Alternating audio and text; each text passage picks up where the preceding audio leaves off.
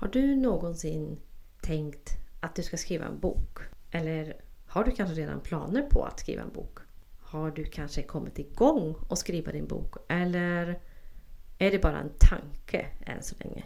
Hur som helst så har jag ihop med Sofia Lövgren och Lukas Adamsson bestämt att vi tänker göra en miniserie. Jag har definitivt både tänkt tanken och börjat skriva på en bok. Men där tar det liksom stopp. Jag har min bok. Jag har antingen så har jag blivit antagen av något stort bokförlag eller så har jag gjort det själv helt enkelt. Jag har fått min fysiska bok hem. Vad gör jag nu? Är jag färdig? Nej, och tyvärr är det redan för sent för du borde ha tänkt på det här långt innan. Attans! Ja, nej men så här. Eh, inom alla branscher och alla företag så måste man ju förbereda lite innan man verkligen sätter igång och börjar sälja sin produkt eller öppnar sin butik. Men i bokbranschen är det nog ännu mer så. Till exempel eh, om man vill komma ut centralt i bokhandlar så har de sina inköpsmöten oftast ett halvår innan liksom vårkatalogen kommer in så är det i höst de har möten inför det. Om man vill boka en känd ljudboksinläsare så har de ofta scheman uppbokade 6-12 månader framåt. Eh, om man ska boka fysisk marknadsföring på platser så har ju de byråerna oftast följt Tidningsredaktioner eh, kan inte alltid vara spontana och så vidare och så vidare. Så man behöver helt enkelt ha saker på plats i förväg. Och sen är det också en sak som man märker att om man ska börja sälja boken och skapa intresse för boken samtidigt så kan det bli ganska tungt. Så det är bättre att eh, när du har ett datum för boken satt så får du lägga upp den så att den finns att spara ner i bokhyllorna på tjänsterna så att den finns att bevaka på nätet. Du får börja sprida ut ordet bland eh, familj och vänner och på social media. Du får mm. kontakta tidningsredaktioner, du får skapa relationer med återförsäljare och så. nu låter det som att det är väldigt mycket att göra. Man måste inte göra exakt allt där. Men poängen är i alla fall att förberedelser gäller eh, i alla branscher men ännu mer i bokbranschen. Och speciellt för att det finns liksom faktiska hinder från att bara göra det dag ett. Och en riktigt lyckad eh, kampanj idag är om man känner redan från början att det här kommer bli en lyckad bok som läsare. Ibland så har man den upplevelsen inför ett filmsläpp eller ett boksläpp att man bara vet att ja, det här kommer bli stort. Fast det är inte ens släppdatum än. Mm. Så man kan försöka uppnå det eller i alla fall uppnå det i miniformat innan. Om man börjar, jag tänker så här att om man börjar att ha lite så här eh, dialog. Eh, jag skickar in manus och man börjar liksom eh, att det här kommer bli en bok. Kan man inte redan då kanske på Instagram eller sina sociala medier liksom hinta lite om att ah, jag kanske har en bok på gång eller? Jo, verkligen. Mm. Eh, jag, när jag skapade mitt eh, Instagramkonto eh, jag hann väl bygga på det i ett år ungefär. Mm. Och när jag släppte min första bok som var Kärleksstorm då som kom som ljud och e-bok vid alla hjärtans dag så mm. fick jag ju helt galet mycket lyssningar. Mm. Och den hamnade på veckans utvalda och det var, jag var jätteförvånad.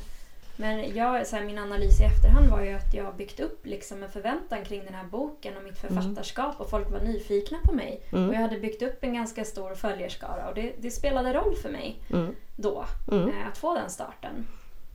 Så absolut. Och sen det som du sa nu. Eh, det funkar ju också så att det är lättare att komma in om man har mer kött på benen. Alltså till exempel om du ringer till en butik och vill att de ska köpa in din bok så kan det ju hjälpa att säga jag har en jättestor artikel i lokaltidningen här som kommer nästa vecka. Just det. Eller um, om man, uh, ja alltså allting sånt här spelar roll. Uh, och vi har ju använt allt sånt liksom. Som man, att vi ja, ska vara med i Allers till exempel är också en sån här grej som vi har fått trycka. Liksom, att ja, men vi ska vara med på det då. Mm. Uh, för att få någon slags trovärdighet och få ett liksom... Tror ni att det är mycket författare som, ger, som, som hör av sig till de här? Är det något man gör? Sofia sa nej, men mm. svaret är ja.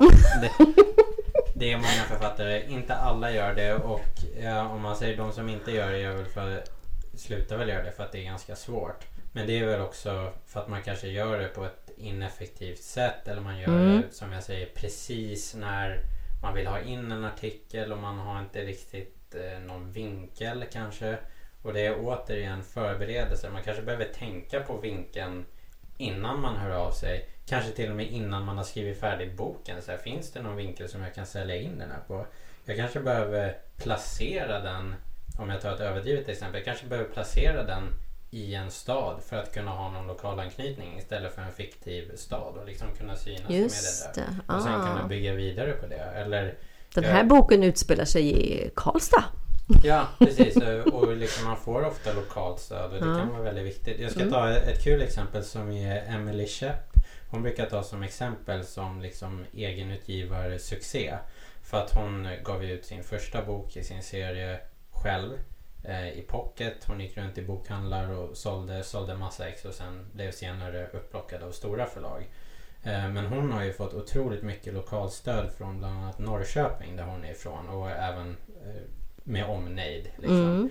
Och det har hon byggt på och sen byggt på sin legend också och sin vinkel kring att jaha, hon gjorde det här själv. Hon stod med ryggan på bokmässan. Jag tror massor av författare och läsare vet om den storyn, att hon gjorde det. Mm. Sen började hon bygga sitt namn och nu är hon bara ett stort namn. Men vi har ju också tagit den vinkeln lite. Vi har fått någon slags uppstickare, transparens, liksom vi vill förändra branschen, vi gjorde den här resan.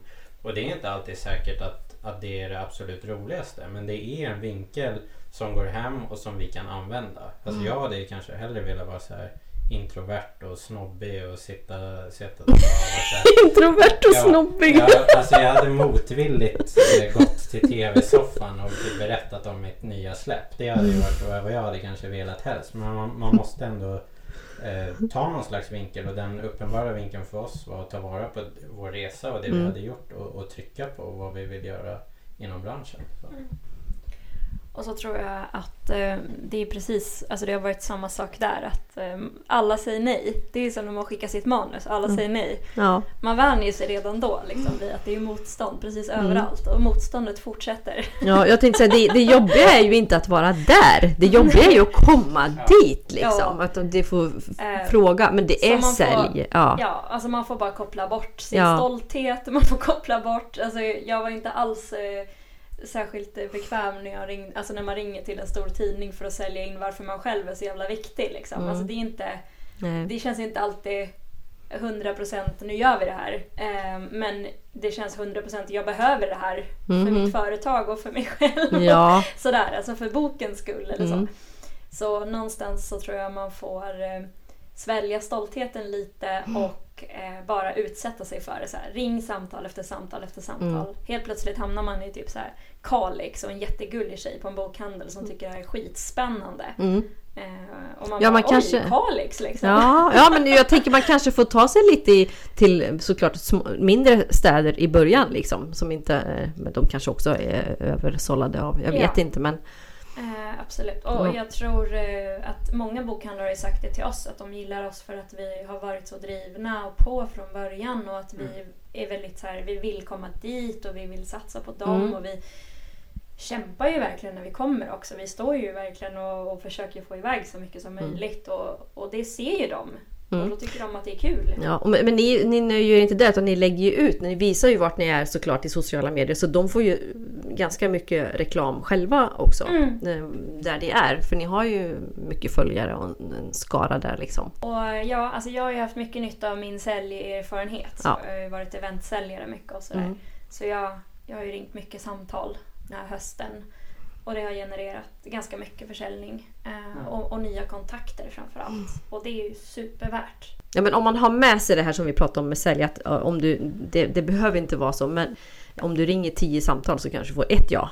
Om man tänker så, så att eh, man vet att det är inte det är inte liksom så mycket på den som ringer heller, utan ring bara på så kommer du få ett ja. Ja, och så som vi har pratat mycket med också att eh, alltså kommer man ut centralt i butik så är det ju egentligen det som händer är ju att det skickas ut Mm. ett eller två eller tre exemplar till alla butiker. Men oftast har vi pratat med, med alltså butiker som är så här, ja, nej vi får ju det här skickat till oss så får vi ingen mer information så vi ställer det här och sen säljer inte. Mm. Eh, och då har vi sagt så här, ja, men att liksom ringa, säg hur många butiker finns det, kanske 300? Säg 300 butiker i Sverige Mm. bokhandlare. Så ringer man och kanske man inte kan ringa alla men om man nu kan ringa många Ja. och kanske komma in i så här 20-30 stycken runt om i Sverige så kan ju det generera rätt mycket och speciellt om, man, om man underhåller den relationen med dem så kan det kanske räcka för att man ändå ska få iväg ett bra antal och kanske till och med sälja mer än om man hade haft ett ex i alla butiker Precis. och ingen hade vetat om en. Mm. Mm. Och jag, jag tror med de här förberedelserna också. Dels eh, så behövs det rent praktiskt. Men sen så får man också lära sig av det vad som funkar. Man testar vilka pitcher kommer jag in på i någon lokaltidning. Eh, vad svarar bokhandlarna på? Vad, vad blir folk intresserade av, på social media? Och det har man också nytta av sen när, man, när faktiskt det är release och man ska börja sälja. Så att man inte bara springer runt och inte vet vad man ska göra. För det kan kosta ganska mycket pengar om det ska vara marknadsföring eller om det ska vara resa runt eller så. Och det kan också kosta väldigt mycket tid och energi. Och kanske att man inte riktigt vet om, om man verkligen ska fortsätta med det där. Till exempel vi har ju lärt oss en sak att vi har underskattat eh, marknader. Vi har underskattat matvarubutiker. Till exempel, vi trodde ju till exempel att det var bokhandlar, bokhandlar, bokhandlar som gällde när man skulle ut och sälja. Eh, Vi skulle säga att vi, vi säljer generellt bättre och med bättre marginaler på ICA Maxi än, Ja. än någon liksom bokhandel. Och de är faktiskt gladare att vi är där generellt än bokhandlarna. Ja, men det vet jag. jag. Ja. Jag köpte en bok jag inte alls hade tänkt att köpa när det satt en författare där på ICA Maxi och signerade böcker. Mm. Ja. Och då kunde jag fråga henne om hon hade flera olika liksom. Jag tyckte det var jättekul att få ett ansikte på den som skriver också. Nej men precis och där har man lite lägre konkurrens och då har man lärt sig att jaha det funkar, de vill ha mig där. Man testar lite olika grejer på social medier, man testar att pitcha sin bok till människor, till och med till familj, vänner, till arbetskamrater och så börjar man försöka berätta vad boken handlar om och så märker man oj de fastnade ju för den där delen just. Om om man ska lära sig det vid releasedatum är det ganska svårt. Eh, Och det är Ja. faktiskt väldigt värt att, att ha den informationen tidigare och kunna byggt upp lite surr och veta att jaha, tidningarna brukar fastna på det här. Och det är därför många av våra rubriker och ämnen blir ganska återkommande. För vi lär oss att okej, det är det här som är intressant nu. Och sen hoppas vi vara i ett annat skede om ett år så vi kan säga något annat. Men Mm. vi har ju testat 100 pitcher liksom till tidningar. Mm. Och många grejer vill vi hellre prata om än det de faktiskt pratar om. Men man får ju hålla sig till det Ja, vill då får de, de får ju, så är det ju bara. Ja. Man får ju, ja. Erotikvinkeln är alltid bra. Visst är det? Mm. Ja. Det där är någonting som säljer alltid. Att man ska nog inte glömma att ha med det kanske lite grann i sin bok i alla fall. Och inte vara så rädd att sälja på det heller. Nej. Men å andra sidan, eh, lite kanske märkligt nog, så är det ju det jag får mest skit för. Jag har för mycket sex i mina böcker. Men, men det betyder att det intresserar och det, du får ju mycket lättare media till exempel kring Ja. erotik än kring någonting annat. Så det kan vara värt. Men om vi säger att vi har gjort förberedelserna, för det är ju faktiskt en viktig poäng. Att vi behöver både förbereda praktiskt men också liksom lära oss vad som funkar och börja surret liksom kring oss själva. Så kan man väl säga sen att marknadsföring är, är konsten att gå så lite back som möjligt. Eh, Mm. Det är inte konsten att gå plus. Eh, Så i praktiken så får man väl antingen marknadsföra sig inför kommande böcker eller inför ett framtida författarskap och se det på det sättet.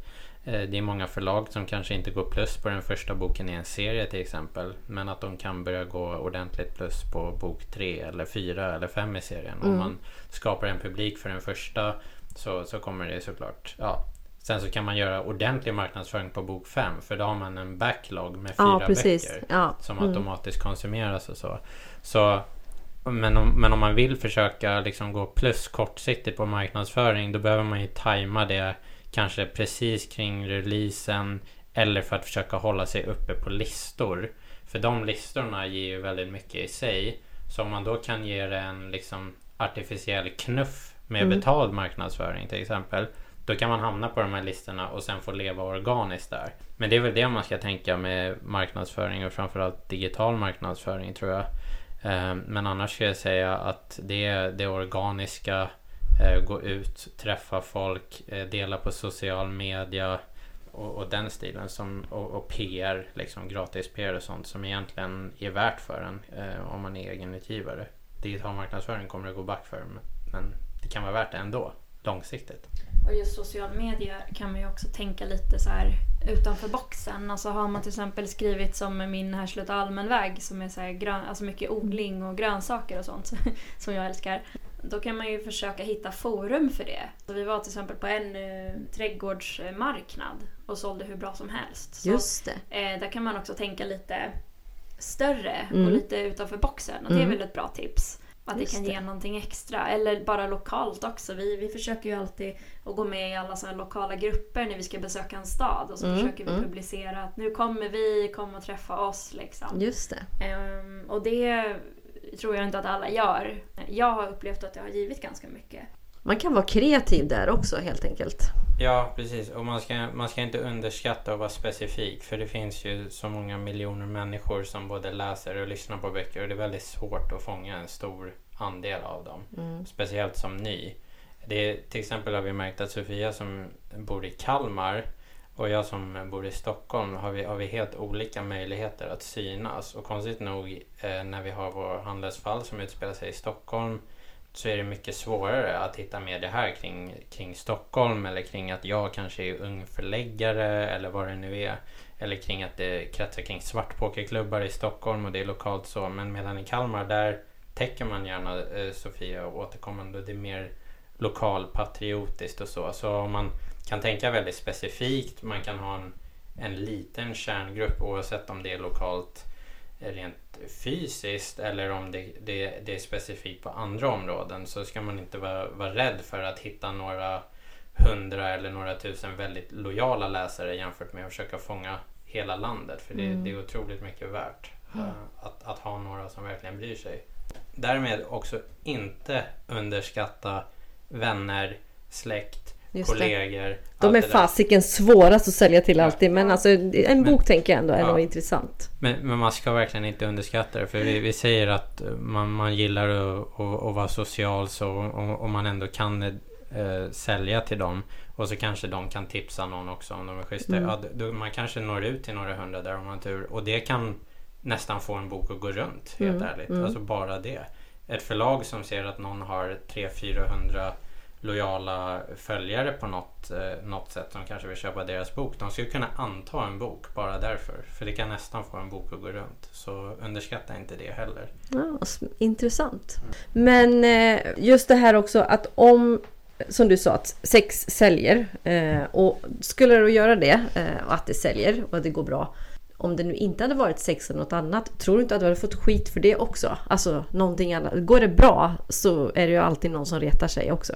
Säkert. Ja, Det är ju inte alltid bara erotiken jag vill synas med. Även om jag syns ganska mycket. Men jag har märkt att det är mycket lättare att få ins på grund av den. ja. Sen ibland, eh, till exempel nu när jag var på Pirate Rock och fick ju typ 20 minuters sändningstid eh, och läste högt eh, ur en av mina noveller. Så fick jag ju också typ 8 minuters snack. Mm. Eh, och där hade jag ju möjlighet att liksom berätta om mina andra böcker och förlaget och så också. Så precis. då eh, fick jag ju lite det på köpet och man Mm. hoppas ju att det kanske ska nå ut till någon. Eh, så man ska försöka tänka att allt kan generera någonting. Alltså är, en gång när jag stod och signerade böcker eh, på Akademibokhandeln utanför så kom det fram en journalist och bara Dig har jag aldrig hört talas om. Får jag skriva om dig? Alltså det hade ju inte hänt om inte jag hade stått där och krigat. Jag tror jag fick iväg en bok på tre timmar just den dagen. Det var ingen bra dag. Men jag fick en artikel. Ja, du Så, att, ser.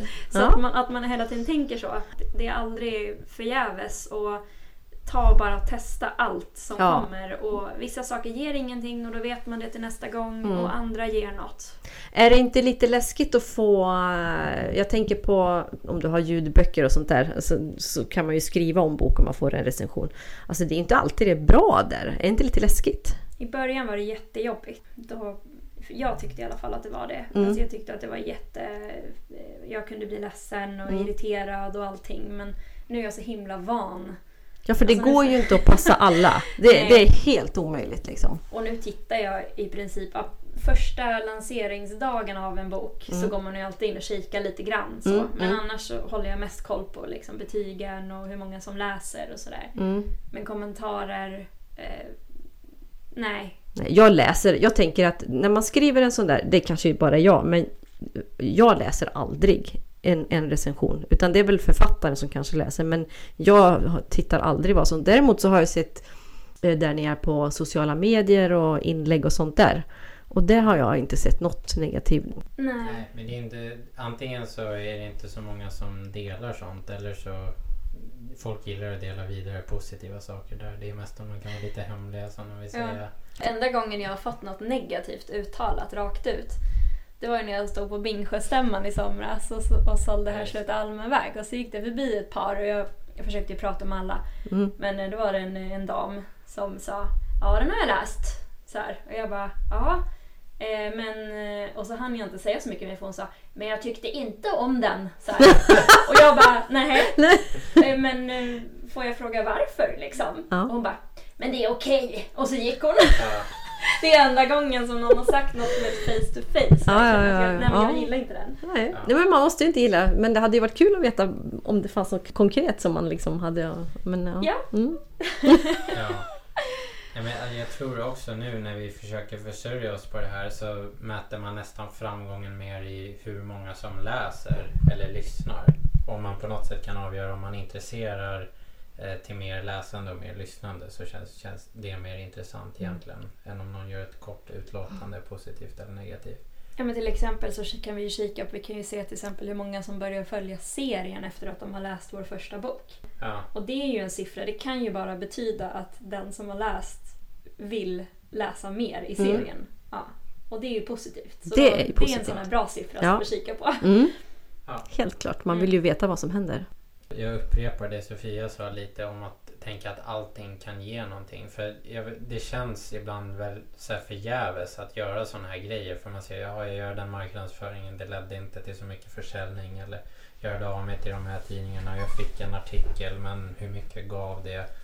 Ja, sen kan man ju också, man får ju ja. tänka så här att man sprider också artikeln. Ja. Att man, man, man, man, man lämnar inte artikeln till en som gör utan man får själv sprida ut den liksom. Och prata med andra om att man ska, som du sa, nu ska jag vara med i den här liksom. Ja, och precis det du nämnde där. Du sa att ja, men vi är inte bara ute på ställen utan vi delar oss också med oss av att vi är på ställen. Mm. Eh, att du vet det, eh, då tror jag du att vi är ute och syns hela tiden och det är positivt för oss att många andra ser det och då kanske en tidning ser det eller, eller vad det nu är. Man får några följare på Instagram men det gav inte så mycket försäljning men någon kanske ser att man har lite fler följare och då får man fler möjligheter om man sålde några böcker fast man inte tjänar så mycket på det men då kanske det leder till det och det och det och så vidare. En bok är ju alltid kvar. Alltså även om den inte gick bra nu, att man inte lyckades med sin marknadsföring, man var för sent ute eller vad nu.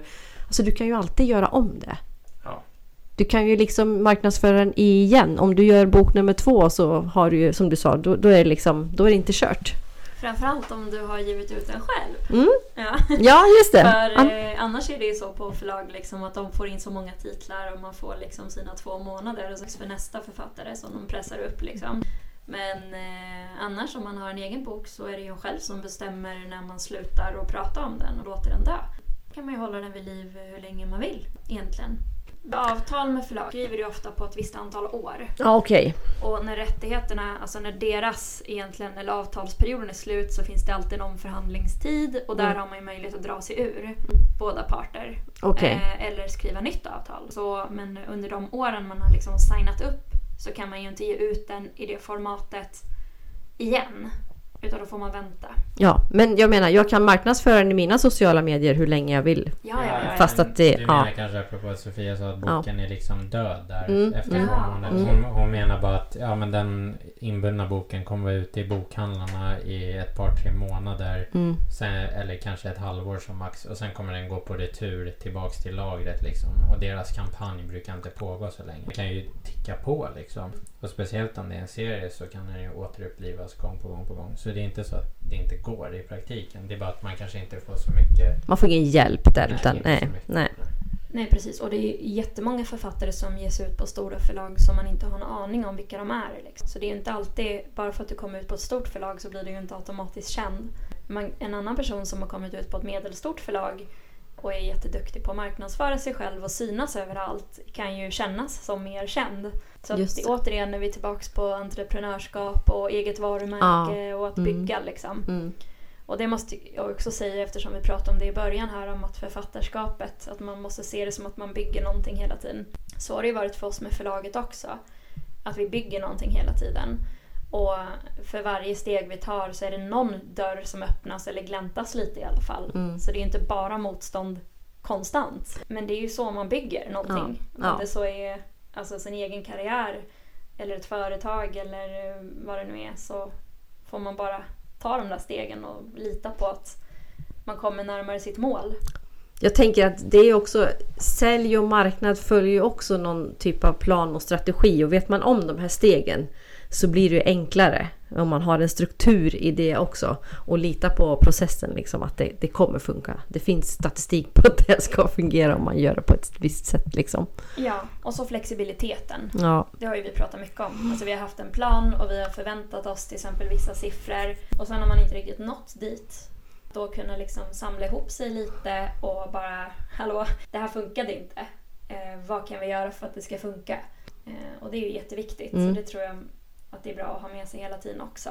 Ja men det är nog samma sak där. Det är siffror som kommer avgöra hur, hur att man har dem klara. Har, klarar du dem galant då satte du dem lite lågt tänker jag. Mm. Att du behöver ha någonting så att du kämpar lite liksom. Mm. Det ska inte vara bara kliva över liksom. Nej just om man har sina pitcher och man är lite envis och försöker gång på gång. Mm. För radio har jag märkt, speciellt lokal radio, de är väldigt flexibla. De kan mm. göra sina scheman från dag till dag. Mm. Eh, en gång så skickade jag ett Instagram-meddelande om eh, när jag släppte en erotisk novell. Och sen så svarade de på kvällen, jag tror det var P4 Kalmar, och sa Åh vad roligt, grattis! Jag tänker att vi kör eh, ett avsnitt imorgon kan du ses vid tio? Och då Oj. valde de ju att lägga hela dagen. Ah, och ah. temat typ vilken är den sexigaste stan, staden i länet? Mm. Eh, så då blev det ett sextema den dagen. Och jag är ju rätt övertygad om att det var för att jag skickade in mitt tips på kvällen. Så att, jo, det är nog. ja, så många gånger så, så eh, kan man ju bara försöka gång på gång ja. och vara lite jobbig. Ja, det får man vara. Ja. Faktiskt. Och så helt plötsligt så klickar det. Och så skriver man precis rätt tid. Mm. Eller när de har något planerat och ser mm. att fan, vi kan ta med det här den här gången. Mm. Liksom. Mm. Ni kan komma med råd och tips och sånt där också om det skulle vara man vill ha lite hjälp. Ja, det gör vi alltid. Ja, absolut. Och eh, vi svarar gärna på frågor också och, och guidar lite och försöker göra branschen mer transparent. Stort tack Sofia och Lukas för alla goda råd och tips som vi har fått i det här avsnittet.